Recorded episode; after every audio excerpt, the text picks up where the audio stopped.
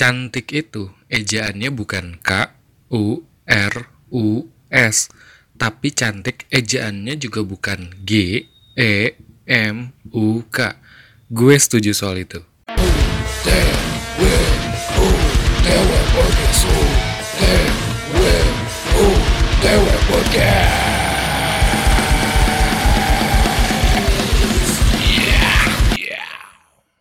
Hey, hello, what's up guys? And welcome back on OTW Podcast, masih bareng gua Manan.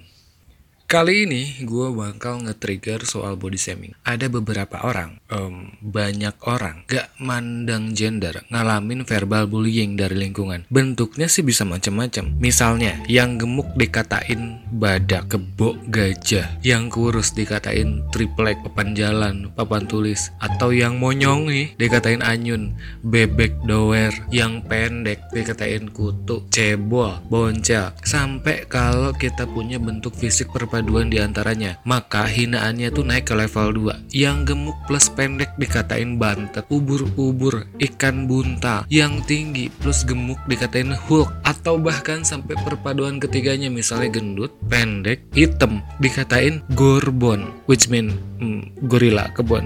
Ya Allah, I really don't like that because I'm one of them. Ya, gue salah satu korban bullying. And trust me, even maksud lo bercanda, but sometimes saat gue lagi stres, cadaan lo sama sekali nggak lucu. Dan sebenarnya pasti lo udah tahu kan, that's is bullying. Nyakitin orang lain dan itu nggak bener. Tapi gue juga nggak munafik. Kadang atau um, seringnya kita nilai orang itu by fisik atau tampak keluarnya dulu. Sama aja kalau kita beli buku. Yang dinilai itu covernya dulu. Jangan nilai buku dari covernya. Oke, okay, but kenyataannya covernya ditaruh di luar dan isinya di dalam bukunya diplastikin. Hmm.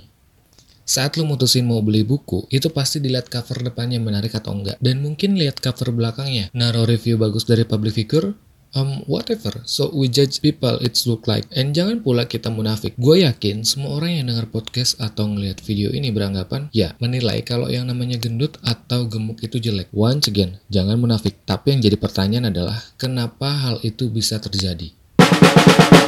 Karena apa pun yang dilihat oleh mata itu bakal diolah sama pikiran. Lalu apa yang terjadi di dalam pikiran? Why? Being fat is so negative. Kita bakal bahas sejarahnya dulu.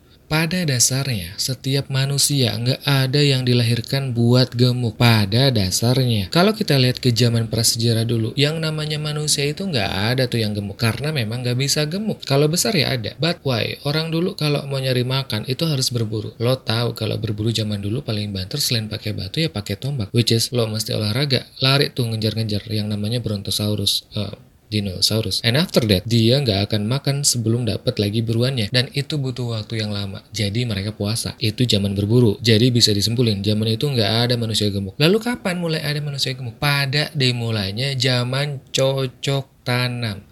Ya, pada saat manusia mulai kenal sama yang namanya tumbuhan pangan dan itu bisa disimpan pada waktu yang lama. Maka jadilah mulai itu ada timbunan lemak. Oke, sejarahnya makin maju dan teknologi makin berkembang. Langsung aja kita loncat ke zaman julid kayak sekarang. Ada kulkas, freezer, chiller. Lu bisa naruh makanan berbulan-bulan. Misal naruh daging yang kalau kena udara langsung bisa tahan paling dua hari. Tapi kalau di freezer bisa berbulan-bulan. Even lu naruh makanan yang udah matang habis digoreng terus ditaruh di freezer, itu pasti diangetin kalau mau dimakan lagi. Dan gimana cara kalau ngangetin ya digoreng lagi. Dan kalau lapar pas lagi mepet tinggal pesan aplikasi ojek online. Kelar tinggal tungguin jadi sekarang makanan itu disiapin tapi makanan dulu itu mesti dicari. Dalam arti sebenarnya. That's why manusia makin lama makin gendut. Tapi sebenarnya dilahirkan buat nggak jadi gendut.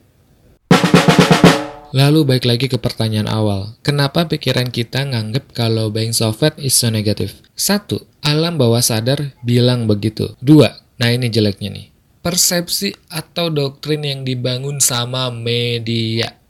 Coba lo perhatiin deh, model iklan sabun, sampo, face wash, atau apa pun itu, modelnya itu mesti cantik, ganteng, langsing. Terkecuali ya buat model big size ya. Belum lagi kalau lo mau jadi model internasional, sangat amat diskriminatif. Lebih spesifik, berat badan harus berapa, tinggi badan berapa, lingkar pinggang standarnya berapa, semua counted, dihitung untuk mencapai ideal yang sempurna. Dan siapa yang nyiptain? Ya mereka, industrinya. Dan bukan cuma itu, coba lo mikir deh, film-film komik, anime, JAV, Yang gemuk tuh pasti penjahat, jelek. Coba Batman, penjahatnya penguin, gemuk, pendek, jorok. Ada nggak jagoan yang gendut? Ada, tapi nggak banyak. Misalnya, Po, Kung Fu Panda. Tapi sekurus-kurusnya panda ya tetap gemuk juga. Jagoan itu pasti di setting atletis, ganteng, ideal. Kalau cewek ya langsing, seksi. Nah, kalau gemuk, burik itu pasti buat peran jelek. Bahkan sedari kecil kita udah didoktrin sama media kalau gendut dan gemuk itu buruk. Lo tau serial Popeye? Ya, musuhnya Popeye itu si Bluto. Dan lo tahu Bluto kayak gimana? Gendut brewokan, sikapnya jahat, males, iri dengki, suka jalan pintas dan macam-macam lain yang buruk-buruk. Yang dibikin karakter negatif ya di situ. Tapi inilah konsep yang dimasukkan ke dalam bawah sadar manusia. Kalau gendut itu jelek, yang masukin siapa? Ya mereka. Kapan? Sejak dulu kala. Di sinilah manusia punya persepsi bahwa gemuk itu jelek karena udah didoktrin dari dulu. But sekarang kita ngomongin kenyataannya bahwa orang gemuk itu banyak yang sehat dan yang kurus juga banyak yang sakit. Gak percaya cek aja ke dokter. Tensi darah gimana, paru-paru gimana dan hal-hal lainnya. Namun the most important of this topic adalah masih banyak orang goblok terus lahir ke dunia. Siapa mereka? Orang yang masih ngeledek, ngehina fisik orang lain padahal dia tahu itu nggak bener dan lebih miris lagi mereka tahu itu sejak dulu dari SD sampai bangku kuliah. Kalau menghina fisik, jangankan menghina, ngeledek fisik fisik orang lain itu adalah tindakan salah. Body shaming bisa membuat subjek depresi dan paling parah bisa bunuh diri.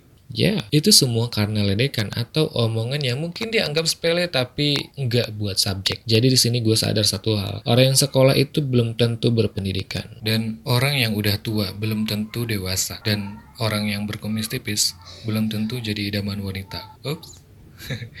Oke mungkin segitu aja yang bisa gue omongin soal body shaming ya. Uh, Sampai jumpa lagi atau sampai ketemu lagi di episode ke konten berikutnya yang gak tahu gue bakal ngomongin apa. Jadi bye bye